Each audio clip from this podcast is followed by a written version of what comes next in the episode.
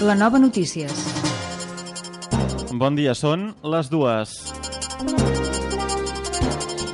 Els pagesos de l'Avellana sortiran de nou al carrer i protagonitzaran una tractorada el pròxim dimarts per denunciar, diuen, l'oligopoli de les empreses compradores.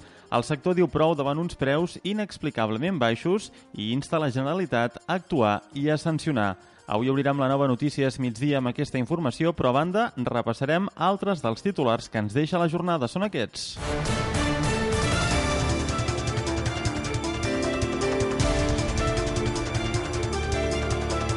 Primera reunió del grup de treball entre el Port de Tarragona i Adif per millorar la connexió ferroviària. Els responsables de la infraestructura tarragonina aposten per implementar un sistema ferroport eficient i competitiu que agilitzi el flux de mercaderies. I a Reus, Aigües de Reus ja ha instal·lat 19.500 comptadors electrònics i preveu completar la substitució en un màxim de 5 anys. En crònica del fet divers detenen a Tarragona un home per retenir i amenaçar una dona amb qui havia quedat per una aplicació de cites. L'individu no la deixava sortir del seu pis i després la va amenaçar amb un ganivet al carrer. En cultura, l'Associació de Concerts de Reus ha presentat la seva programació per la temporada vinent amb un total de 24 propostes musicals.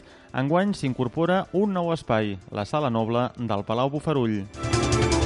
I aquest cap de setmana té lloc la cinquena edició de la Fira Medieval de Reus, que espera superar els 10.000 visitants del 2018. El Passeig de Misericòrdia tornarà a acollir la trobada fins diumenge.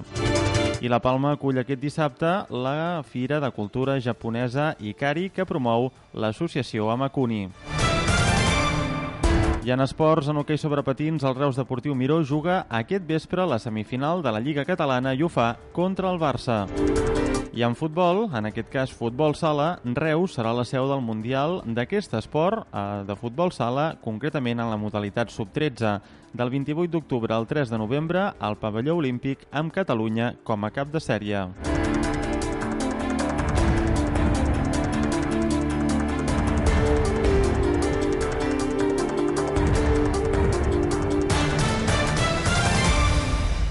Entrem en matèria avui fixant-nos en el sector de l'avellana, el qual tornarà a treure els tractors al carrer dimarts vinent per denunciar l'oligopoli, diuen, de les empreses compradores a qui acusen de forçar els preus a la baixa.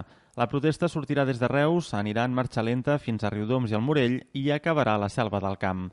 Els pagesos es concentraran davant les sis principals empreses per denunciar que els estan enfonsant, segons assenyala el responsable de la fruita seca d'Unió de Pagesos, Rafael Espanyol. Així el sector no pot seguir. Aquí l'estan enfonsant i l'estan arruïnant que al, al final ho faran desaparèixer. Volguem dir, tots sabem que venim d'un any molt dolent, l'any més dolent que es recordarà en la història de l'avellana, sense avellanes, sense preu, les vam haver de plegar amb mullades, amb les humides, i va haver podrits. Un, bueno, va ser un desastre de temporada, el sector va estar que no ha fet un duro, no ha estat descapitalitzat, el sector de l'avellana ha tornat a denunciar aquest divendres també que les cotitzacions de la llotja de Reus són uns 40 cèntims inferior que la d'Itàlia i Turquia i insten el Departament d'Agricultura a fer ús de l'Observatori Agroalimentari de Preus i sancionar si cal. Veieu que el seu benefici per quilo de gra al gener del 2018 era d'1,42 i se va acabar el juny del 2019 a 2,23. Ells sí que han fet el benefici al negoci, però al pagès no li han donat Volem dir, aquí estan, tenen un mercat intervingut, això d'aquí ara es pot comprovar amb l'Observatori de Preus i el que demanem és que la Generalitat actui, miri i si els ha de sancionar o ha de portar al mercat de la competència, que li porti. El que no pot ser és que tinguem que posem en funcionament molt, moltes coses i que després no les fem funcionar. Volguem dir, tenim un observatori de preus, veiem la diferència que hi ha, doncs si això d'aquí ha de servir per que el pagès pugui cobrar el preu que li toca, doncs que ho facin servir. El responsable nacional de la fruita seca d'Unió de Pagesos diu que les empreses tenen el mercat intervingut i per aquest motiu és quan demana la intervenció de la Generalitat perquè si no assegura que el sector no aixecarà cap. Doncs el pactar entre ells tenim un mercat intervingut i el pagès no aixecarà cap.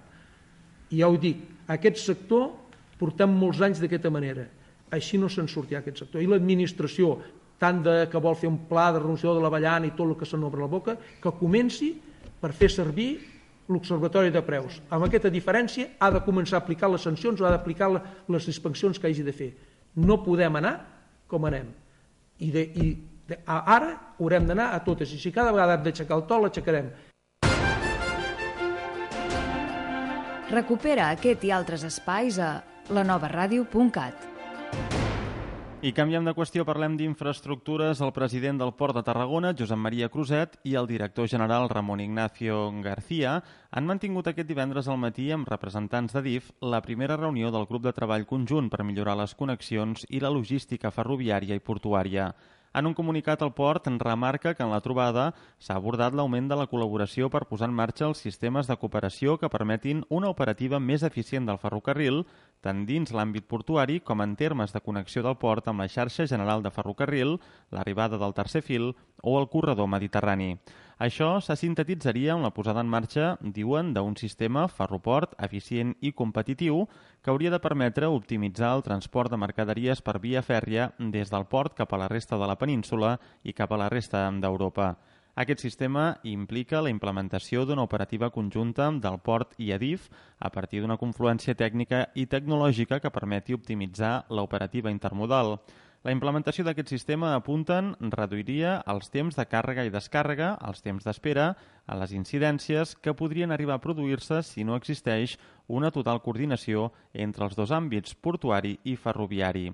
Tot i això, asseguren els responsables del port, en el context de la prevista posada en funcionament del tercer fil en pocs anys, fet que permetria a la infraestructura tarragonina competir amb les del nord d'Europa i permetre un major tràfic de mercaderies cap al centre de la península, connectant les terminals intermodals de la Boella, ja operativa, i de Guadalajara-Marchamalo, que està en projecte. Finalment, els responsables de la infraestructura tarragonina han expressat la bona sintonia i la col·laboració amb el gestor d'infraestructures ferroviàries responsable de l'operativa dels trens que treballen a la zona portuària. El grup de treball, segons el port, respon a l'interès de la Comissió Europea i la xarxa transeuropea de transports per Tarragona, que ha d'esdevenir un node estratègic pel corredor mediterrani, ja que conflueixen el ramal del corredor cap al sud de la península i el ramal central amb destí Saragossa i Madrid.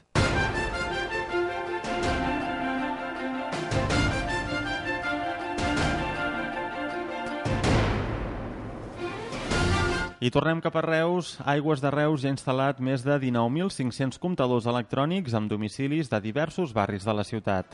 El ritme d'instal·lació previst és d'entre 5.000 i 7.000 comptadors cada any. La planificació municipal contempla que en qüestió de 5 anys tots els domicilis de la ciutat tinguin instal·lada la telemesura i s'hagi renovat completament el parc de prop de 50.000 comptadors que actualment hi ha a la ciutat, tal com han precisat aquest divendres fons municipals. Aquests nous comptadors substitueixen els actuals i permeten la telelectura, un sistema que permet als ciutadans conèixer en temps real el seu consum d'aigua, així com configurar alarmes que avisin en cas que se superi un consum determinat o es detecti fins i tot una possible fuita. Un cop el sistema ja està plenament operatiu, el control del consum per part dels clients entra, segons l'Ajuntament, en una nova dimensió, ja que tot usuari disposa d'accés a una plataforma en línia on pot accedir al seu perfil de consum i saber quin és el seu consum de cada mes, de cada setmana, de cada dia i fins i tot de cada hora.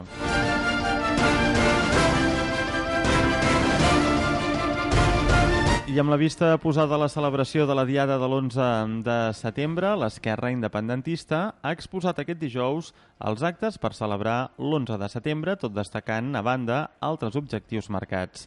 D'aquesta manera s'ha destacat la voluntat de seguir acumulant forces en la lluita contra l'estat espanyol, així com assenyalar la traïció del sobiranisme governamental i la seva guerra social, diuen. Per tot plegat, segons s'ha assenyalat, cal construir un programa polític adequat. Sobre els actes al voltant de la Diada, aquests arrencaran aquest dissabte al matí amb una cercavila antifeixista per retirar plaques franquistes dels edificis de Reus.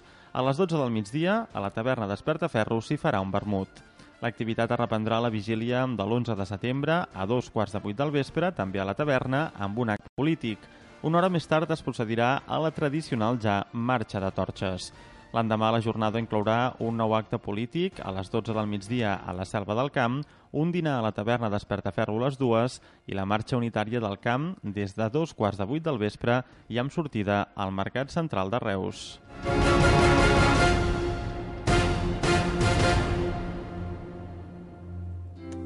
Fes la teva compra online a bonpreuesclat.com i te la carreguem al cotxe en 5 minuts. Gaudeix d'una gran varietat de productes de qualitat amb la garantia de Bon Preu i Esclat. Entra ara a bonpreuesclat.com i compra de la manera més fàcil, ràpida i còmoda. Bon Preu Esclat, al teu servei.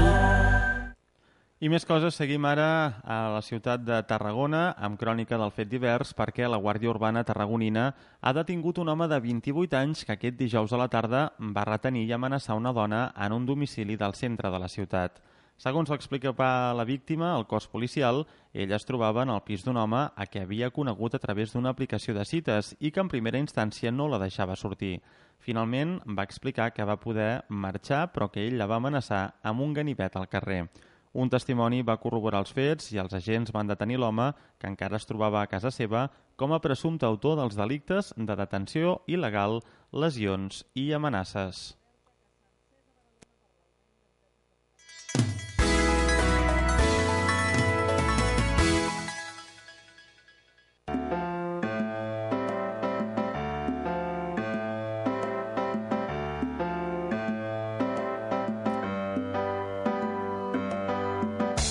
I és moment de parlar de cultura. Per aquesta temporada 2019-2020, l'Associació de Concerts de Reus ofereix un total de 24 concerts que ha presentat aquest divendres al matí.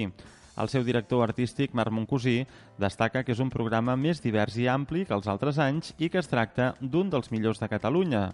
A més, ha afegit que hi ha noves localitzacions, com ara la Sala Noble del Palau Bufarull, gràcies a un acord amb la Diputació de Tarragona. Durant la presentació de la nova programació, Moncosí ha destacat que tots els concerts estan oberts per a tothom, tot i que els socis tenen beneficis. També ha explicat que han contractat un director assistent, Miquel Massana, i que l'any vinent s'incorporarà la figura de compositor resident. Ha avançat també que hi haurà alguna sorpresa més de cara al centenari de l'entitat. El concert inaugural d'aquesta temporada serà l'11 d'octubre amb la gran partita de Mozart a la Sala Noble del Palau Bufarull. Altres propostes destacades són el Concierto d'Aranjuez o el concert de Cap d'Any amb l'Orquestra Simfònica del Vallès, així com la presència del tenor veneçolà Aquiles Machado i els directors d'orquestra Ivan del Prado, Andrés Salado, James Empeliu i Lawrence Golan.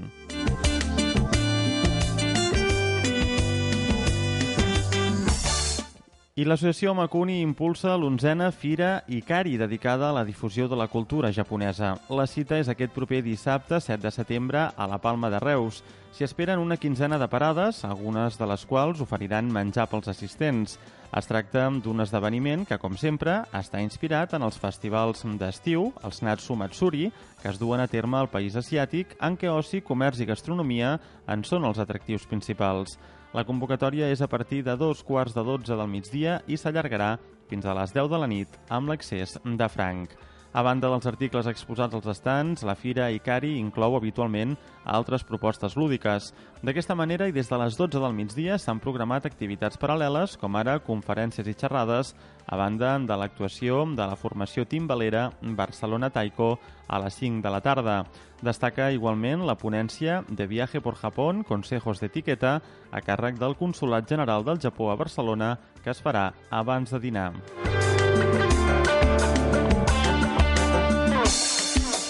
I els organitzadors de la Fira Medieval de Reus, és a dir, les associacions de veïns, monestirs i del Velòdrom, esperen enguany superar la xifra dels 10.000 visitants de l'edició anterior.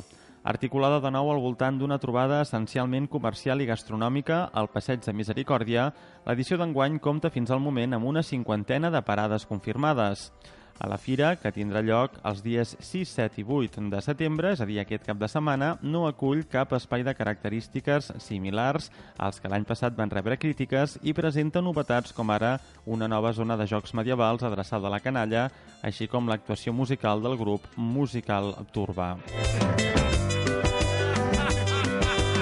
I on també viatgen fins a l'edat mitjana i recreen el seu passat medieval és a l'Hospitalet de l'Infant. Ens ho explica la Sílvia Roman des de Ràdio L'Hospitalet. Fins aquest diumenge a l'Hospitalet de l'Infant tornem al nostre passat medieval. Durant aquests dies al voltant de l'Hospital Gòtic hi trobarem un centenar de parades de productes d'artesania, d'alimentació o de teràpies naturals i també diverses activitats com ara cercaviles, espectacle de circ, foc i teatre, exhibicions de vol d'aus rapinyaires, un sopar medieval, tallers i demostracions d'oficis tradicionals, així com un seguit de propostes lúdiques pels infants. Un altre dels actes centrals serà el sopar medieval del dissabte a les 10 de la nit. Així que el Mercat Medieval de l'Hospital de l'Infant, que s'inaugura aquesta tarda a partir de dos quarts de vuit de la tarda, es clourà el diumenge a partir de les 10 de la nit amb un correfoc a la plaça Berenguer d'Entensa a càrrec de la Vall de Diables de l'Hospitalet, els tabalers i el cavallet de mar del Foment Cultural de l'Hospitalet de l'Infant. El Mercat Medieval està organitzat per l'Ajuntament de Vandellós i l'Hospitalet de l'Infant amb el suport de la Diputació de Tarragona i la col·laboració de diverses entitats, comerços i veïns i veïnes del municipi. Gràcies, Sílvia Roman. I tornem a Reus, on la Casa Napàs ha decidit allargar les seves visites premium fins a finals de setembre. Diuen que davant l'èxit assolit durant les primeres setmanes de l'activitat. Pràcticament cada dia asseguren que aquesta visita ha penjat el cartell d'entrades exaurides i per aquesta raó s'ha decidit ampliar fins al 27 de setembre, tot coincidint amb la celebració de les festes de Misericòrdia. Les visites Premium es van pensar per oferir als visitants una nova manera de gaudir d'una de les obres més emblemàtiques del modernisme europeu. Aquesta opció permet fer la visita guiada per la casa i en acabar assaborir un tas de vins i vermuts a la terrassa d'aquesta edificació modernista. Durant el tast es pot degustar el vi Secrets de Mar, negre i blanc, elaborat pel celler Clos Galena de la D.O. Terra Alta. El vermut va càrrec de vermuts Miró i s'ofereix tant el vermut Miró Reserva com el vermut Miró Blanc. A més, la vetllada està amenitzada per una selecció musical, unes visites exclusives d'una de durada d'hora i mitja que es fan els dimarts, dijous i divendres.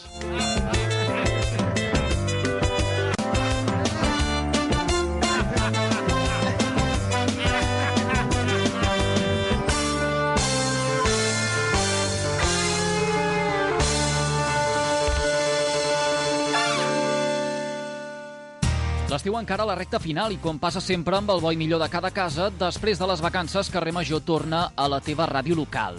Et volem acompanyar aquesta nova temporada i cada tarda t'animem a agafar la línia de les emissores del Camp de Tarragona, perquè tot el que passi al territori t'ho explicarem des del territori.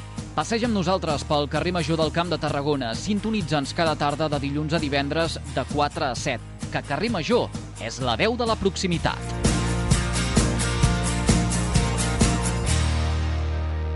I acabem, com sempre, la nova notícies parlant d'esports. En aquest cas comencem amb l'hoquei sobre patins perquè el Reus Deportiu Miró s'enfronta aquest divendres a les 9 del vespre al Barça en una de les semifinals de la Lliga Catalana que es juga al pavelló olímpic de Vic. El conjunt reusenc, guanyador de les edicions dels anys 2016 i 2017, i els blaugranes, campions de l'edició de l'any passat, disputaran un nou clàssic amb marcat caràcter de final. El guanyador d'aquest partit jugarà la final amb el guanyador del partit anterior entre el Rec amb les Cercaldes i el Girona el pròxim diumenge a les 8 del vespre al mateix recinte biguetà. D'altra banda, el Reus Deportiu és un dels vuit clubs fundadors de la recentment creada Associació Europea de Clubs d'Hockey. L'objectiu de la nova associació, segons un comunicat, és tenir un paper actiu i assessorar les grans organitzacions internacionals del patinatge. I en futbol sala, en Reus serà la seu del Mundial de Futbol Sala Sub-13, que se celebrarà del 28 d'octubre al 3 de novembre i que tindrà com a escenari únic el pavelló olímpic municipal de Reus. L'esdeveniment esportiu s'ha presentat aquest divendres amb un acte que ha comptat amb la participació de l'alcalde Carles Pellicer, el regidor d'Esports Josep Cuerva i Dani Vives, president de la Federació Catalana de Futbol Sala, organitzadora del campionat. La federació ha explicat que ha escollit Reus i el pavelló olímpic per gaudir d'aquest torneig que plegarà les 12 millors seleccions del món d'aquesta categoria, entre les quals hi haurà la selecció anfitriona Catalunya, que més serà una de les tres caps de sèrie en el sorteig que es farà dilluns vinent a la seu de l'OFEC a Barcelona. Les altres dos caps de sèrie seran Argentina i Paraguai, mentre que en un segon haurà Brasil, Colòmbia i Sud-àfrica. Al bombo 3 hi figuraran Itàlia, Suïssa i França i al 4 Austràlia, Anglaterra i Índia. Aquestes 12 seleccions es distribuiran en tres grups de 4 equips cadascun i es classificaran per a la segona fase els dos primers de cada grup i els dos millors tercers per un total de 8 equips que seran els que disputaran els quarts de final. Durant aquests tres dies també es disputaran els encreuaments amb les seleccions que vagin quedant apartades per la lluita del títol i que han de determinar les posicions finals de tots els equips.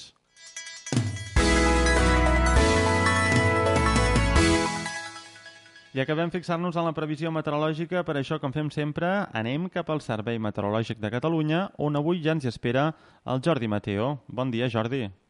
Hola, bon dia. Predomina l'ambient assolellat a gran part de, del territori català. En general, amb cel serè o poc ennuvolat i només algunes ex excepcions, i és que al vessant nord del Pirineu sí que tenim alguns intervals de núvols baixos, així com també a punts del sector central del litoral i prelitoral. A la resta, en general, predomini del sol, una situació que s'ha de mantenir al llarg d'aquestes eh, properes hores, tot i que podem esperar el creixement d'alguns núvols d'evolució diurna a punts del Pirineu i Prepirineu. També aquests eh, núvols eh, que ens trobem a punts del sector central del litoral i prelitoral, de cara a la propera matinada, estones podrien ser una mica més compactes. Fins i tot no es pot descartar algun ruixat eh, de matinada de caràcter força local. Pel que fa a la temperatura, continuarem amb tendència a la baixa dels valors, màximes avui al centre del dia que seran més baixes, i de cara al dissabte, demà hem d'esperar una jornada sense grans canvis. En predomini el sol, amb alguns núvols a la tarda al Pirineu i també encara amb alguns intervals de núvols, sobretot al sector central del litoral i prelitoral.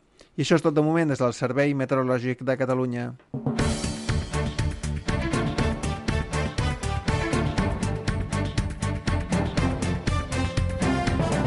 Gràcies, Jordi. Nosaltres ho deixem aquí. Tornarem el proper dilluns a partir de les dues i a les 3 en redifusió al web lanovaradio.cat. Que vagi bé. Bon cap de setmana. Fins dilluns. Adéu-siau.